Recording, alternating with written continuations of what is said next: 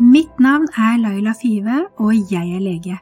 Vår hjerne og vårt nervesystem er helt fantastisk, men vi må lære oss å spille på lag med nervesystemet for å få et friskere liv med mindre smerter, mer energi og en bedre balanse i livet. Med denne podkasten ønsker jeg å gi deg kunnskapen og enkle forskningsbaserte verktøy for at du skal få det livet du ønsker.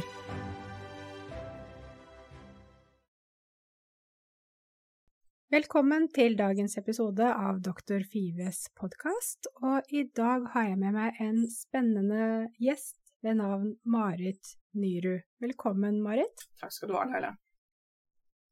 Ja, du tok jo kontakt med meg for en liten stund siden fordi at eh, du har vel fulgt med på arbeidet mitt en stund, og du kjente at du har klart å eh, bli delvis bra fra en del nevroplastiske plager ved å bruke noen av de metodene som jeg jobber med. Eh, og dette har inspirert deg til å jobbe videre med dette og til å begynne på å skrive en bok. Men, eh, men Marit, kan ikke du fortelle litt om hvem du er, først og fremst? Det kan jeg. Og det, jeg, min bakgrunn er at jeg er eh, fysioterapeut, og det har jeg vært i snart 40 år. Fant jeg ut her forleden. Det er jo et, et, et liv, altså. Eh, og jeg har eh, jobbet i kommunehelsetjenesten, eldreomsorgen, eh, jobbet for meg selv, jobbet for andre og jobbet i fengsel, så jeg har ganske forskjellig bakgrunn. Jeg har også en utdannelse innen noe som heter kinesologi, som er en del av kiropraktorutdannelsen, som eh, som også er veldig spennende. Så jeg har jobbet med, med begge de utdannelsene i, i, et liv. Eh, mm. Og så ble jeg gjort oppmerksom på deg, det er helt riktig, av en lege jeg var på besøk hos på, på en klinikk. og hun sa, men, For da forklarte jeg symptomene mine, og så sa hun men har du hørt om doktor Five? Og det hadde jeg ikke, så du hadde gått under radaren min. Ja. Og da ble jeg interessert, skjønner du, for det, du beskriver jo sånn som jeg hadde det. Og så da tok jeg kontakt, sånn som du sa. Mm, ja. Kan ikke du fortelle litt om hvilke symptomer du hadde, og hvordan dette her begynte? Ja, det skal jeg gjerne gjøre. Og så er det alltid litt vanskelig å si hvordan det begynte. Fordi det begynte sikkert, ganske sikkert da jeg var liten. Men hvis vi går tilbake til 2020, da var da det smalt, som jeg sier. Altså da samme måneden som covid traff verden og Norge, så ble jeg veldig syk. Eh, og med veldig syk så mener jeg at eh, jeg hadde en, eh, en betennelse i hoften som hadde vært veldig gjenstridig. Som jeg hadde fått diverse hjelp for, men, og som var blitt en del bedre. Både med legehjelp og, og kiropraktorhjelp. Men så sa det plutselig pang, og smerten gikk helt ut av proporsjon. Hvordan var funksjonen din da? Altså, hva mener du med helt ut av proporsjoner? Nei, vet du, Da var jeg så syk så det eneste jeg klarte å ligge, gjøre, var å ligge på sofaen hele dagen um, og rugge. Altså, da hadde jeg så vondt at det eneste som hjalp, var å rugge. Um, og det er liksom Forordet på boken min er liksom Den heter 'Et lydløst smell' i sånn arbeidstittel, for boken er jo ikke ferdig. Eh, men, men, det tok meg jo helt på senga, bokstavelig talt. At det, at det, går an med sånne helt Og jeg sier vanvittige smerter, for jeg er vant til smerter. Jeg har hatt smerter i veldig mange år. Eh, men dette var noe annet. Mm. Eh, og veldig skummelt, for jeg forsto ikke hva det var. Nei. Og tror du at det hadde noe med covid, at det kom i akkurat den perioden? Ja. Det, det, jeg tror ikke det var det som fikk bøtta til å renne over for meg, som var allerede veldig full uten at jeg visste det. Men mm. så kom covid, og da ble jo ja, vi ble jo litt på tuppa. Da var det ikke vaksine ennå. Altså, nyhetene sto på i stuen vår døgnet rundt for å høre hva som skjedde, og hvor mange som døde hvert døgn. ikke sant? Sånn som vi holdt på. Og så dør plutselig bikkja vår akutt uh, over et par timer. Uh, liksom, det er babyen vår, da. Uh, mm. så, så, det til sammen tror jeg tipper vippet lasset mitt fullstendig utfor kanten. Altså. Mm. mm. Og hva er, du, hva er, det du, gjorde da når du fikk disse sterke smertene? Prøvde du å gå til lege eller noe behandling? Gikk du på smertestillende? Hva, hvordan, hvordan, angrep du dette her når det først kom? Ja, jeg gjør vel det som kanskje de fleste tenker er naturlig. Man går til legen og sier 'hjelp meg, hjelp meg', og så fikk jeg eh, betennelsesdempende, smertestillende altså jeg, jeg, Som jeg skriver i den lille avhandlingen, jeg fikk altså så mye piller. Eh, og legen kjenner meg veldig godt, så hun ga meg jo nesten alt mulig rart. For hun vet jeg tar egentlig ingenting, jeg er ikke noe glad i medisiner. Mm. Eh, men jeg måtte jo prøve alt, og absolutt ingenting fungerte. Nei.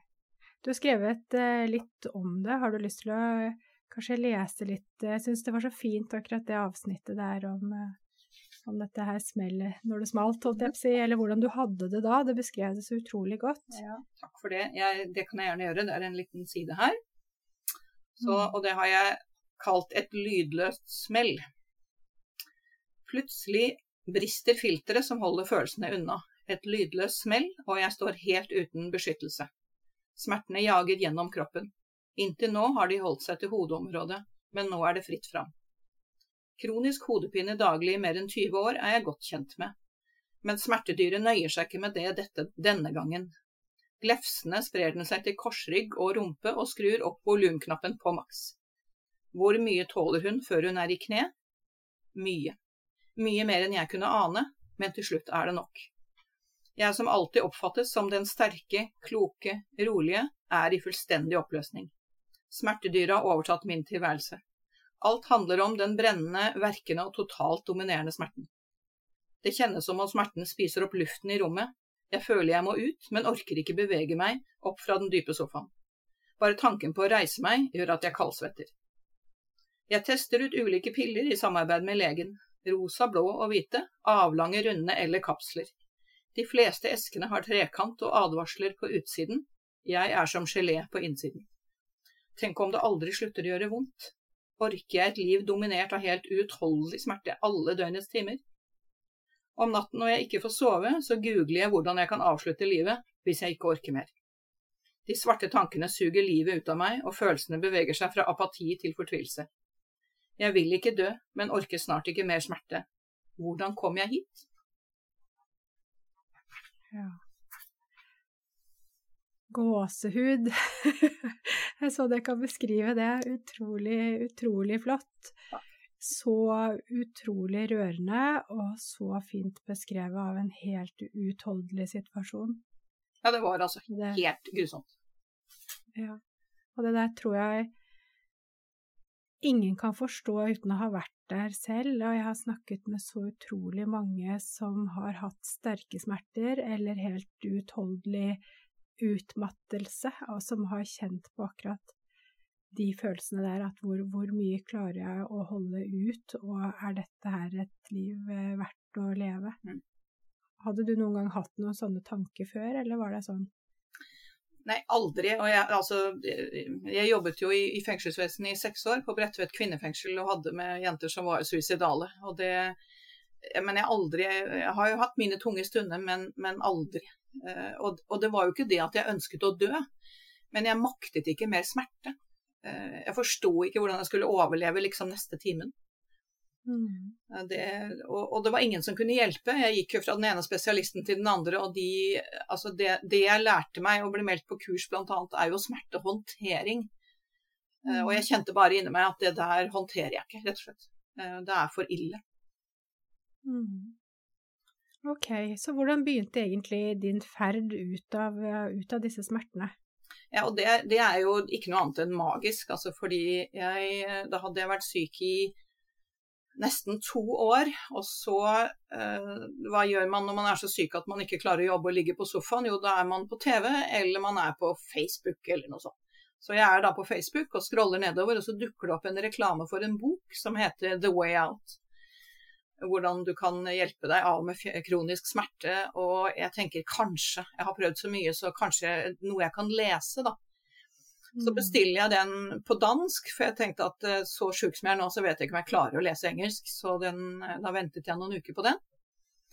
Um, samtidig begynte jeg hos en osteopat som også var uh, veldig flink, så han, han hjalp meg litt. Og han også sa at du må skrive sånn. Så, så de to tingene skjedde samtidig. Men når boken kom da i postkassen, var jeg veldig spent. Setter meg ned og begynner å lese, og har altså, hvis vi sier at smertene er på ti da når jeg begynner å lese, så leser jeg boken veldig fort, gjennom halvparten omtrent, og smerten er nedjustert til fem.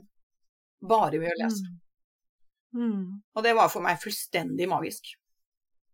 Ja, det er helt utrolig. Eh, og hvis man bare gjør det, så kaller de det the book cure, sant? At eh, utrolig mange, eller ikke mange da, det er ikke det at det skjer med mange at man får en sånn smertereduksjon, men det er noe med bare det å forstå hvordan smerter og følelser eh, henger sammen, ikke sant, og, og det at eh, hvordan ting kan utvikle seg til å bli kroniske smerter, og hvordan det kan bli så intenst å ta over livet da. Ja, jeg- du kjente deg igjen i det du leste Ja, denne boken? akkurat det. Jeg kjente meg igjen. Og så, og så forteller han jo hva man kan gjøre. Altså, dette, dette er helt normalt. Dette kan vi fikse. Eh, fordi i den perioden jeg var på det aller dårligste, så snakket jeg med min veldig gode venninne Kristin hver dag. Og jeg, hun visste jo hva hun skulle si til meg. Jeg sa du må bare si det, Kristin. sa jeg. Du kommer til å bli helt frisk, sa hun. Og det var jo ikke det at hun kunne vite det, og ikke jeg heller, men jeg trengte så veldig å høre det, for jeg ble så redd. Mm. Og redselen ga jo fyr på, på smerte, ikke sant. Altså fight flight sto jo i taket. Eh, Ja. Så alt som kunne roe ned, da, som jeg begynte å gjøre, alle disse sant, meditasjon og mindfulness og alle disse tingene som, som vi vet hjelper. Mm. Eh, men, men det å ha noen rundt seg som, som forteller at det går bra, da. Og, og det er det jeg ønsker å, å rekke ut en hånd nå, både med boken min, at folk kan gjenkjenne seg, men også ha en hånd å holde i. For jeg fant ikke noen som kunne hjelpe meg. Jeg var altså så fortvilt, ikke sant. At Mm. eh, Å være den som kan gjøre forskjellen for folk, da. Sånn som du er allerede, ikke sant. Som hjelper folk. Og, Mm. og der tenker jeg at jeg også kan bidra med noen ting. Mm. Absolutt. Ja, det er veldig fint med alle som har lyst til å fortelle sin historie, og som, som vet hvordan det er, og som har funnet sin vei ut av det. Og den boken som du snakker om, The Way Out, er av Alan Gordon, og er eh, da eh, boken som eh, baserer seg på dette her Pain Reprocessing Therapy. Ja. Så den utdanningen som jeg har, og som eh, Den, eh, Veldig den mange er skrevet, syns jeg, da, på en måte som gjør at man forstår. altså Den blir ikke for vanskelig tilgjengelig, liksom. tenker jeg. Han skriver eh, nepp, neppå, liksom. Mm, Uh, om, om hvor mye nervesystemet blir overbelastet i det moderne samfunn, og hvordan, hvordan ting skrur seg opp, og hvordan vi skal greie å gå veien tilbake. Mm, mm. og så er det selvfølgelig ikke så enkelt som det heller. Altså, vi, vi trenger mer hjelp. Uh, jeg er fortsatt ikke smertefri, men jeg har smerter som gjør at jeg kan håndtere hverdagen min, og jeg vet at jeg er på vei til å bli fryktelig mye bedre også. Mm. Så, så nå, Ja. nå haster det ikke lenger. Nå handler det om å gjøre hver dag god, og på månedlig basis blir jeg gradvis bedre, liksom. Ja, det er veldig, veldig bra. Bare den tryggheten å vite at dette kommer til å gå over, og jeg, at jeg håndterer smertene, er jo bra. Ikke sant? Viktig. Men du, eh, dette her smalt jo i 2020, og så sa du at eh, det var nok ikke starten på det, men det var liksom da begeret rant over. Eh, Og hva, hva tenker du eh, ligger bak at eh, du fikk disse alvorlige, invalidiserende smertene på dette tidspunktet? Du sier at det gikk tilbake i barndommen din allerede? Ja, jeg tenker at det begynte allerede da med en, en, en barndom som jeg har skjønt etter hvert. Med en mor som ikke var til stede, for hun hadde nok ikke noe lett liv. Men var ikke til stede for meg, og heller ikke far. For- pappaer på 60-tallet var jo ikke til stede, de skulle skaffe lønn, lønn på, inn, i, inn i huset, liksom. Det var hans jobb. Um, men en veldig um, misfornøyd og um, mor som var veldig deprimert, så tok hun ut sin frustrasjon og aggresjon på oss barna. Og jeg var sistemann hjemme, så jeg fikk liksom resten i alle år. Ja, hvor mange søsken var dere? Eh, Vi var tre jenter, og jeg kom liksom åtte år etter eh, den midterste, sånn at jeg liksom ble igjen hjemme og måtte liksom Altså, jeg ble igjen der, da, på en måte. Passet på mor og far. Så din mor var psykisk syk? Ja. Din barndom? Ja, jeg tenker om hun ikke hadde fått en Hun hadde jo ingen diagnose, men jeg tror hun var veldig ulykkelig og deprimert og si, veldig sint. Og hadde ingen selvinnsikt. Um, som betyr at det var alltid noe galt med oss uh, og meg. Og altså Ørefiker og juling, kritikk. Um, jeg har en, en liten epistel i boken min som heter 'Aldri riktig'. som er sånn veldig beskrivende for mor, da. Um, mm. Kanskje du har lyst til å lese den nå? Kan jeg lese? Jeg er aldri riktig. Enten er jeg for mye eller for lite, for stor eller for liten. Jeg hører alltid bare stemmen din, jeg, sier mor etter at venninnene mine har gått og hun kommer inn på rommet mitt. Altså har jeg snakket for høyt igjen. Jeg ser mors kritiske blikk sveiper som en fyrlykt over rommet, inkludert meg. Den stopper et øyeblikk ved en vrengt genser som ligger på gulvet. Jeg venter på en kommentar, men hun sier ingenting. Det oppleves nesten enda verre. Nå vet jeg ikke hva hun er irritert over, og kan ikke endre eller beklage, og nå risikerer jeg at hun er sur og ikke snakker til meg på mange timer. Uroen spruter ut i armer og bein som knappene i mai. Det klør i håndflatene og under bena. Jeg klarer ikke la være å bevege meg. Alltid denne uroen, mumler mor mens hun går ned trappen og inn på kontoret. Der lukkes døren igjen, og jeg er alene med det som var galt. Nå klør det i hodebunnen også. Ja.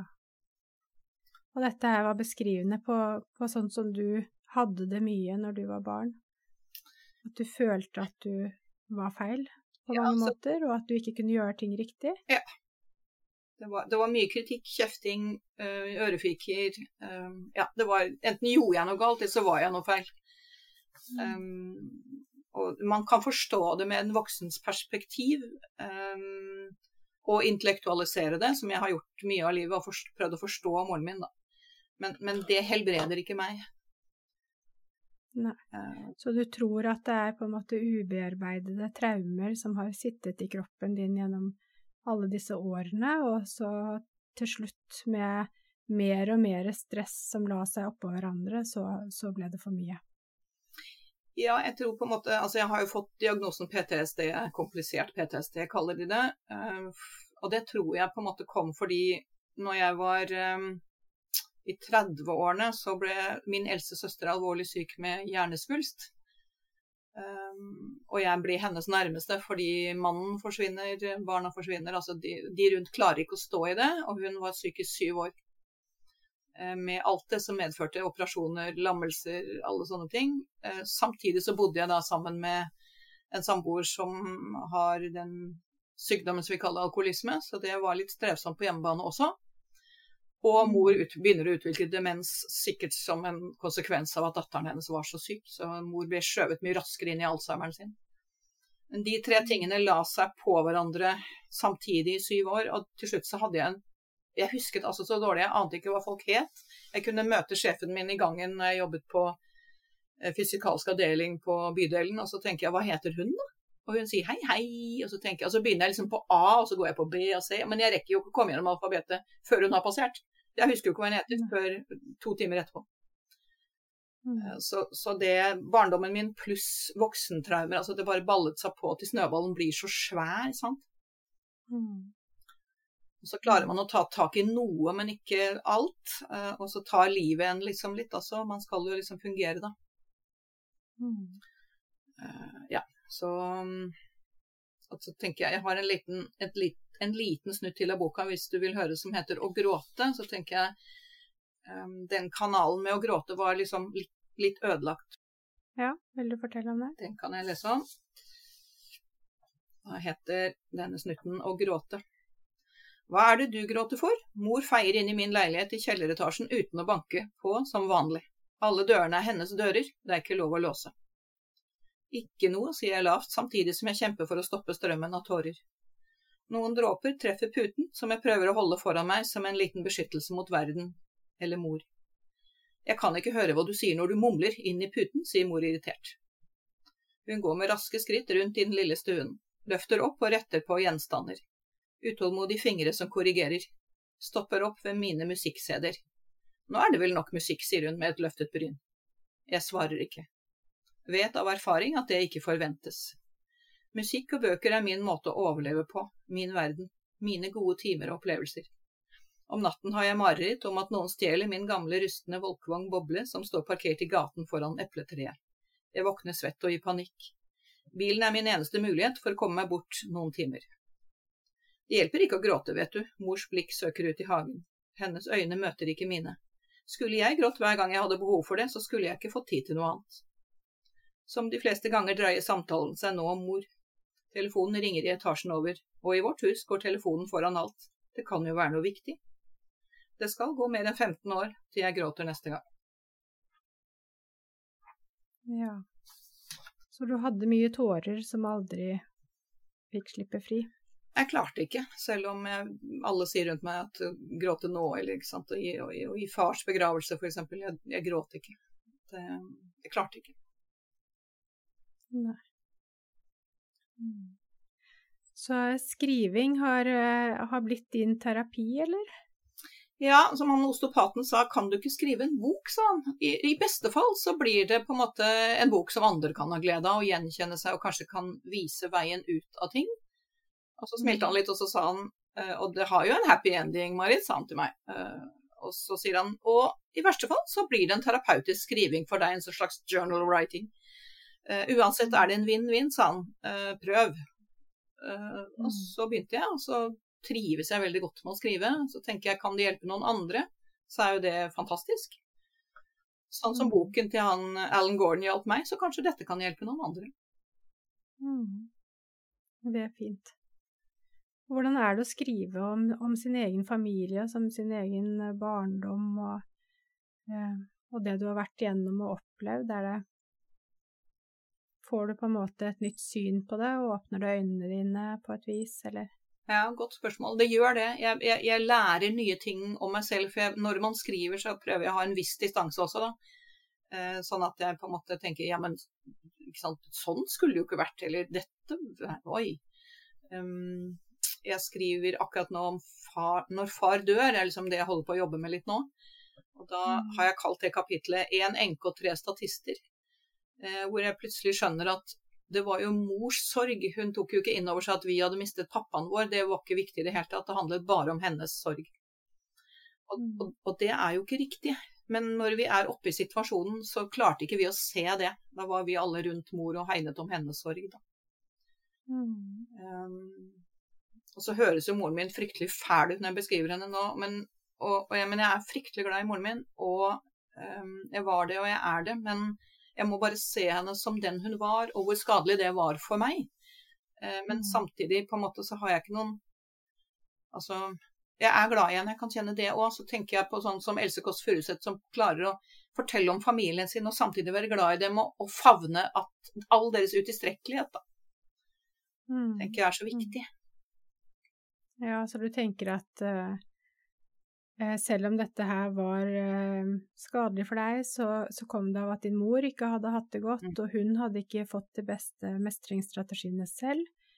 Uh, hun visste ikke helt hvordan hun skulle håndtere livet og håndtere dere. Mm.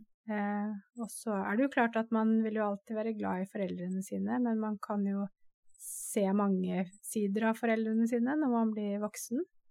Så du kjenner ikke på mye bitterhet eller sinne i dag, eller? Nei, altså det jeg gjør når jeg jobber nå og mediterer og sånt, så gråter jeg mye. Og jeg kan også kjenne flash av sinne som liksom jeg lar bare skylle gjennom meg, og så kommer jeg videre, på en måte. Men, men det mm. sinnet forhindrer ikke at jeg kjenner at jeg er glad i moren min. Eh, hun var bare et mm. menneske, hun også, men jeg må på en måte ikke forskuttere på en måte tilgivelsen eller den følelsen. Jeg må få lov til å være i barnets uh, raseri eller, eller, sorg, da, og la det få lov til å være der. Uh, mm. I fred all den tiden det trengs, og komme ut i andre enden med å forstå, da. Mm. Mm. Tenker jeg.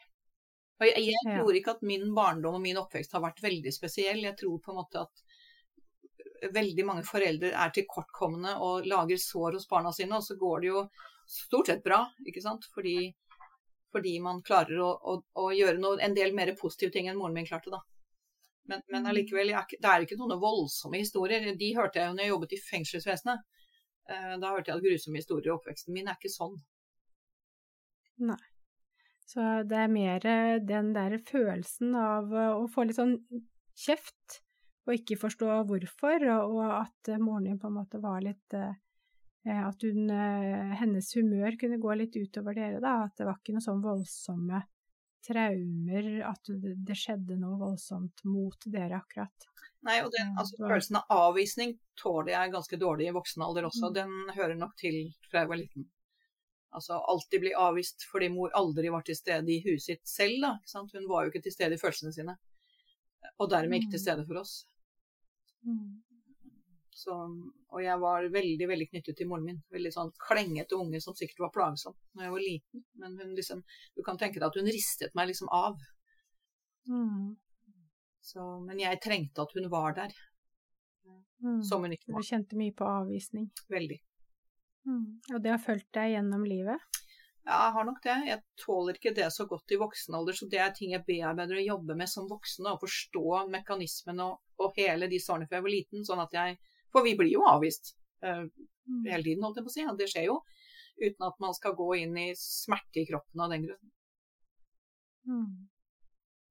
Så når du har på en måte begynt å gå tilbake i barndommen din og begynt å helbrede disse gamle sårene, eh, og skriver om det, bruker det som din terapi, så kjenner du at eh, det i tillegg til kunnskap om smertevitenskap og dette som Pain Reprocessing Therapy forteller, med at frykt fyrer opp smerten, så har du kjent at uh, du er på vei til å bli helt frisk. Ja. Jeg er Mm. trygg på det. Jeg er på en, en vei som fører meg i mål på et eller annet tidspunkt. Uh, sånn at jeg kan få lov til å være med og bidra i samfunnet igjen i større grad enn jeg har gjort de siste årene. Jeg ønsker å være noe for noen.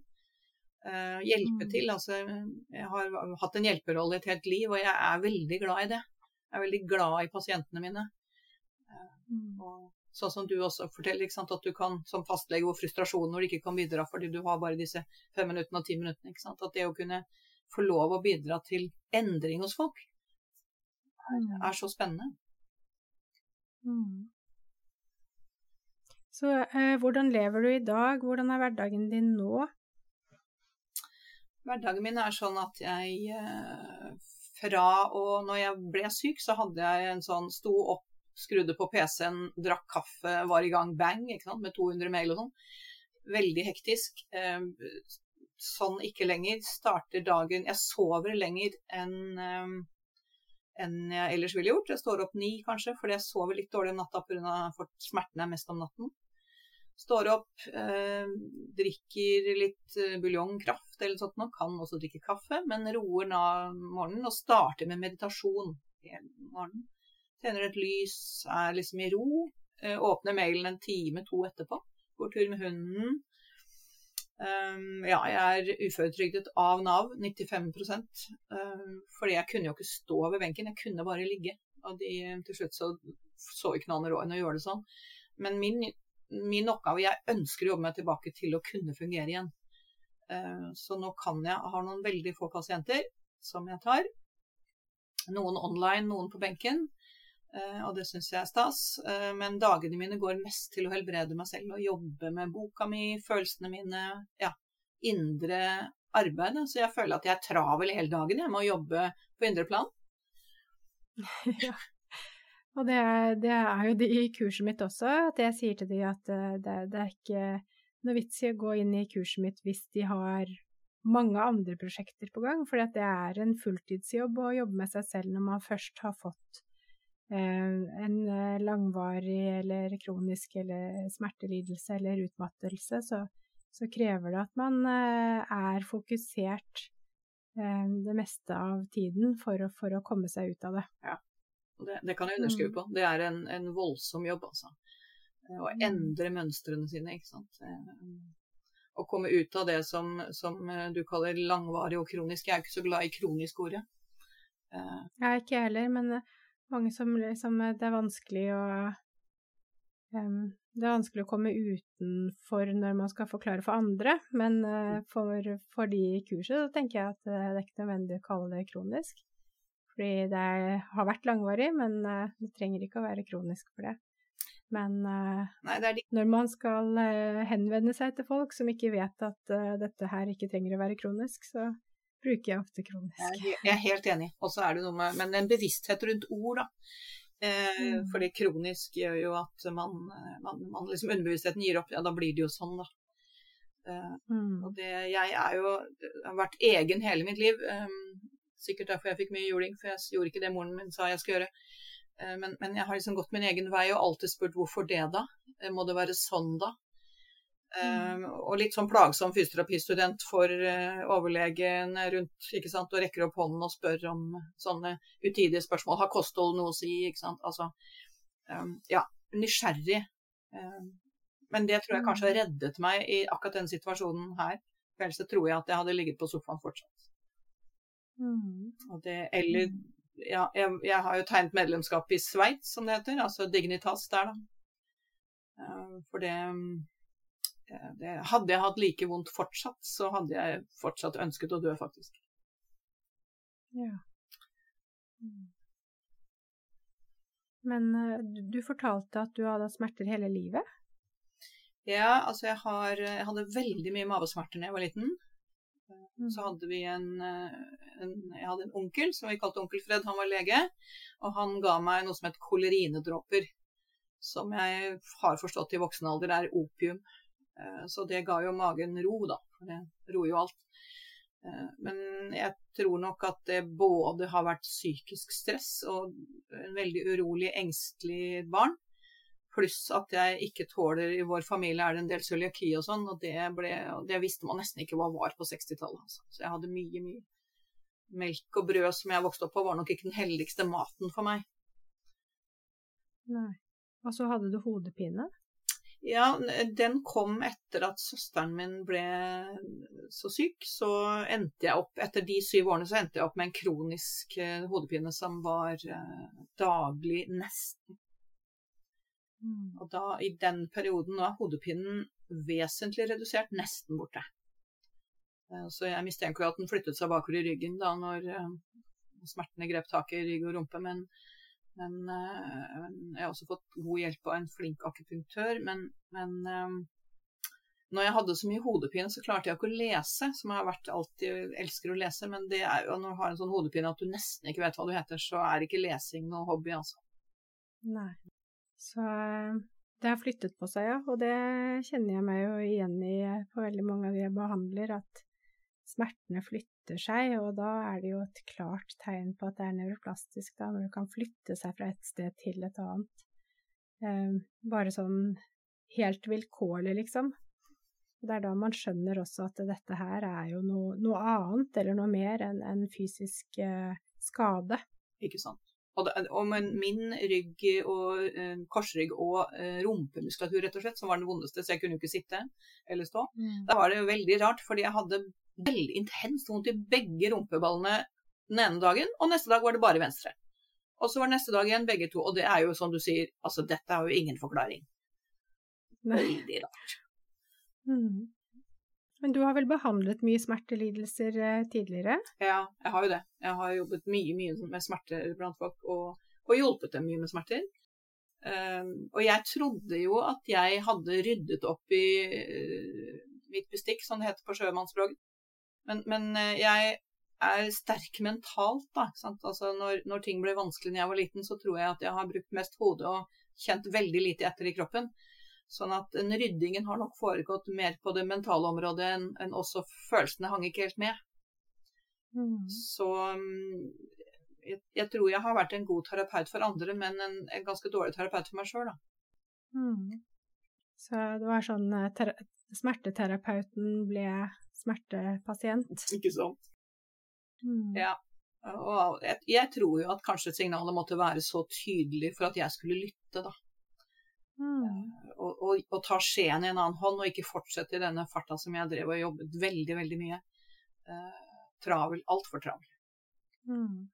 Ja, det er ofte det som skjer, at uh, hvis man ikke setter grenser for seg selv, så det tar hjernen uh, overhånd og setter grenser for deg. Mm. Mm. Så det opplevde du, og det ble en smertefull eh, læ lærepenge. Ja, og det høres jo kanskje litt spøtt ut å si det i dag, men jeg er jo glad for denne reisen nå som jeg er så mye bedre. Eh, ja, hadde du spurt meg når jeg var på det dårligste, så ville jeg ikke vært glad for den. For da var jeg jo helt fortvilt. Men, men den har gitt meg et bedre liv. Et, et, liv i takt med meg selv. I kontakt med meg mm. selv, og i takt med meg selv.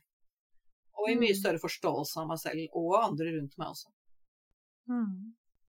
Og det, det, er det veldig mange som sier, at uh, når de blir friske igjen, så er de takknemlige for at de har vært syke. Og det, det syns jeg er veldig fint. at uh, man kommer dit, fordi at da plutselig lever man mer som seg selv enn man har gjort uh, tidligere.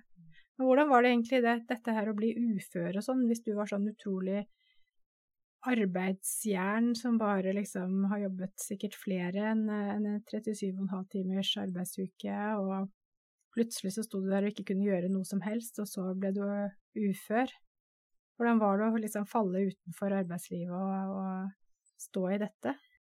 Nei, det, det er en, en, veldig lite god opplevelse. Samtidig så er det jo en liten trygghet, da, for man får jo en liten utbetaling. Eh, mm. Og kampen mot Nav, som jeg har hatt i veldig mange år pga. denne kroniske hodepinen min, som har gjort meg eh, delvis ufør. Um, mm. Så den, den, har vært lang og seig. Um, det er ikke så lett å bli trodd bestandig når symptomene ikke er helt A4. Men for meg så er det sånn at jeg har aldri tenkt eller identifisert meg eller tenkt at jeg skal være ufør. Jeg er så travel med så mange ting. Det er så mye jeg skal gjøre. Så jeg har liksom tenkt at ja vel, Marit, nå er du ufør. Nå da trenger du det for å gjøre dette indre arbeidet. Eh, da får du litt hjelp med det. Og så kommer jeg tilbake igjen, og så er jeg i gang igjen. Så jeg tror at den opplevelsen av å være ufør kanskje hadde vært verre hvis jeg hadde tenkt at det var endeholdeplassen nå. Ok. Du har tenkt deg tilbake? jeg, jeg, har ikke tenkt å gi meg. Nei, jeg, er, jeg vil jobbe, jeg. Eh, ikke sånn som før, på, absolutt ikke. Men på en bedre, klokere, sakte lettere, eh, annerledes måte som er riktig for meg å kjenne etter, men samtidig kunne bidra. Mm. Og, jeg, og, jeg, har jobbet eh, mye med veldig mye fysiske og psykiske utfordringer, men nå brenner jeg veldig for nevroplastisk, fordi det traff meg så veldig midt i. Mm. tenker jeg at kan jeg gjøre noe der, da? Ja, det tror jeg at jeg kan. Um, mm. Og allerede er i gang litt med noen pasienter som er, det er spennende for meg, syns jeg. Mm. Mm. Så du har allerede begynt å behandle andre mennesker som sliter med nevroplastiske lidelser, med å hjelpe dem tilbake? Ja, jobber litt smått med det.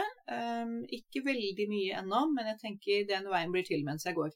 Uh, den kompetansen jeg har tilegnet meg, har jeg, og den deler jeg så gjerne. Uh, pluss mm. alt det jeg kan fra før av, så setter man det sammen til en pakke, da, og så ser vi om det kan hjelpe. Mm. Det, det, jeg har jobbet mye med kost og ernæring og hjelpe folk ned i vekt. Uh, for jeg er jo opptatt av helse denne veien også. Uh, og der gjennom hadde vi et coachsystem som gjør at du er veldig tett på hver. Altså jeg kommuniserer med deltakerne hver dag. Og det tror jeg er viktig også nevroplastisk, at man kan være veldig tett på, da. Mm. Altså den hånden å holde i som jeg ønsker å være. Som, som jeg ønsket skulle fantes. Hadde, hadde, jeg funnet deg når jeg var syk, Laila, så hadde jo jeg elsket å få hjelp av deg, men da var ikke du begynt ennå. så da var det bare det var ingen, Jeg googlet opp og ned norske sider, fantes jo ingen verdens ord om dette. Eh, så det ble amerikanske bøker og amerikanske podder og sånn. De, de hjalp, de også, men, eh, men, det var vanskelig å finne frem da. Mm. og skjønne. Så. Det er jo veldig lite om dette her i Norge mm. enda. Det Heldigvis så begynner det å komme litt mer og mer nå, da, og flere og flere som ser på disse tingene. Men men eh, det har jo vært veldig lite i Norge. Og det er som du sier, at eh, det, det, er jo mye med at årsakene til dette her er jo at man har et utrygt nervesystem og en utrygg hjerne. Sånn at eh, det der å få noen som er tett på og holder en i hånda, det hjelper veldig godt gjennom den prosessen, da, også at man skal komme seg ut i andre enden, på en måte. Få roet ned nervesystemet og roet ned smertene på den måten. Mm. Nettopp. Så jeg tenker at det er, det, er, det er, veldig mye ugjort arbeid der ute. Det er mange som har smerter som vi kan hjelpe dem med, da. Eh, mm. Som kan endre hverdagen til eh, altså, Jeg er helt sikker på at det er noen som har, har det fortsatt sånn som jeg hadde det. Uh, og at vi Oi, oi, oi. Det er mange, det. Ja, har det sånn som du hadde det. Ja. Mm. Utrolig mange. Oh, ja, og det, jeg, blir, jeg, blir, lei meg, for jeg vet hvor grusomt det var. Eh, og så tenker jeg at det, og er det noe å gjøre, så må de få hjelp, da. Mm. Jeg brenner så veldig for det. Mm. Har du fått et nytt perspektiv på smertebehandling etter at du var gjennom denne behandlingen her? Ja, altså det, det jeg kunne før jo, har jo sin verdi, ikke sant. Men dette er jo på en måte noe som man må ta inn også og, og, mm. og, hjelpe folk på veien tilbake og, Sånn, sånn som de kursene du har osv. vi lever i en så stressa tid at uh, det er for mye påskrudd, og på, på-knappen har kilt seg helt fast hos veldig, veldig mange. Mm. Og det blir det sykdom av, altså. Ja ja, det der kjenner jeg igjen selv. Mm. Jeg har jo eh, hatt eh, foten på gasspedalen i mange, mange år. ja, du er jo en travel dame. Jeg er en travel dame, så jeg må passe meg konstant. Jeg må leve på grensa. ja, altså sånn som du lever, ville nok ikke jeg tålt lenger, tror jeg. Nei, for det første så er jo er det når man har gått på en smell, er interessen av å leve sånn lenger, ikke sant? Eh, og, og, har man lært å ta vare på seg selv på en ny måte. Men for det andre så er det jo også det der med å Og at man må opparbeide toleransen i nervesystemet også. At uh, i starten så er det veldig ustabilt, og det skal lite til for at man får smerter, men etter hvert som man uh, lærer mer og mer og, og, jobber lenger og lenger med det, så blir det mer og mer stabilisert og mindre og mindre plager, og man kan gjøre flere ting, da. Det er jo bra. Ja, og det, det, det, skal nok jeg få på plass etter hvert, tenker jeg, så jeg tåler mer. For det er ikke helt der ennå. Nei. Og når er det boken din kommer ut da, tror du, Marit? Nei, altså, ja, ikke sant. Det skal skrives litt mer, men jeg, jeg, må jo finne noen forlag som er interessert i å ha en dialog med meg. Det er liksom det neste som eh, Neste skumle jeg skal gjøre. Mm, ja. Så det, man, da må man jo tåle avvisning, da, ikke sant. Fordi det er jo ikke alle som syns dette er en god idé, tenker jeg. Mm. Men har du hatt uh, en sånn forfatter, uh, holdt jeg på å si, i magen lenge, eller er det noe som har kommet nå? Nei, altså fra jeg var ganske ung, så har jeg liksom tenkt at kanskje jeg skulle skrive bok, men jeg har liksom kom, kom ikke lenger enn den tanken. Men jeg er veldig glad i å formulere meg skriftlig. Så, og så er jeg jo, når jeg er frisk, så er jeg sånn passe sprø. så Noen mener at jeg burde drive med standup. Så jeg, jeg, jeg, kan jo være ganske morsom på det beste. Uh, så, så, det er på en måte jeg, jeg, liker å nå frem til folk både verbalt og skriftlig. Så, og, så jeg, og, så tenker jeg, det er så viktig. Jeg gjør det ikke bare for min del. Da ville jeg latt det ligge i, i papirbunker her, for det er min prosess. Men hvis én person kan få et bedre liv av å lese min bok, så er mission accomplished, egentlig. Mm. Ja, det er fint. Og så er det fint at vi kan bruke ulike former for uttrykksformer til å på en måte helbrede oss og helbrede nervesystemet, da. At eh, noen kan bruke sang og musikk, og noen bruker skriving. Eh, poesi er det jo mange som kan bruke, og det finnes jo mange fine måter å, å eh, på en måte ja, gå gjennom livet sitt og, og virkelig bearbeide. Ikke sant. Det, jeg kjenner jo at når jeg leser mine egne tekster, så blir jeg jo berørt av dem. Eh, og da tenker jeg da, da treffer det noe hos meg som også bearbeides samtidig. Eh, mm. Og da tenker jeg at det kan treffe noen andre også, slik at de også kan bearbeide sitt parallelt med at de leser min. Ja, det var nydelige ord du har skrevet, i hvert fall. Takk. Så jeg gleder meg til boken blir ferdig. ja, jeg òg. ok, men er det noe mer du har lyst til å formidle, Marit, før vi eh, avslutter? Nei, man kan finne meg på Facebook og på Insta hvis man er interessert i å kommunisere med meg, så er det hyggelig. Mm. Hva heter du på Instagram? Nå heter jeg fysioterapeut Marit i Nyrud. Det heter jeg på begge steder. Mm. Så hvis folk vil eh, ha tak i meg, så er jeg der. Eh, så, så det er hyggelig. Ja. Eh, Mhm. Jeg har jo to følgere på Facebook jeg nå, så kanskje du er lenger enn meg. Jeg har akkurat startet uh... Ja, da har jeg faktisk flere enn deg allerede, ja. ja. jeg, jeg, hadde noen tusen, men de forsvant, så sånn er det bare. Men, uh, men det er ikke noe over. Det, det, det gidder jeg ikke bruke energi på. Nei. Nei, ok. Så hvis noen der ute har lyst til å finne min uh, Altså, jeg tror jeg har tre forskjellige eh, doktor Five som de kan finne, men det er den som er bedriftsdoktor Five som er meningen å finne. Der er det da to følgere. Eh, så hvis noen har lyst til å finne den, eller da fysioterapeut Marit i, I Nyru, ja. så er det mulig å finne deg på Facebook og på Instagram. Mm. Ok. Tusen takk for at du delte av eh, din historie, Marit, og for at du hadde lyst til å komme på for å også kunne hjelpe flere andre som kanskje kan ha vært i samme situasjon, eller som er i samme situasjon som deg akkurat nå.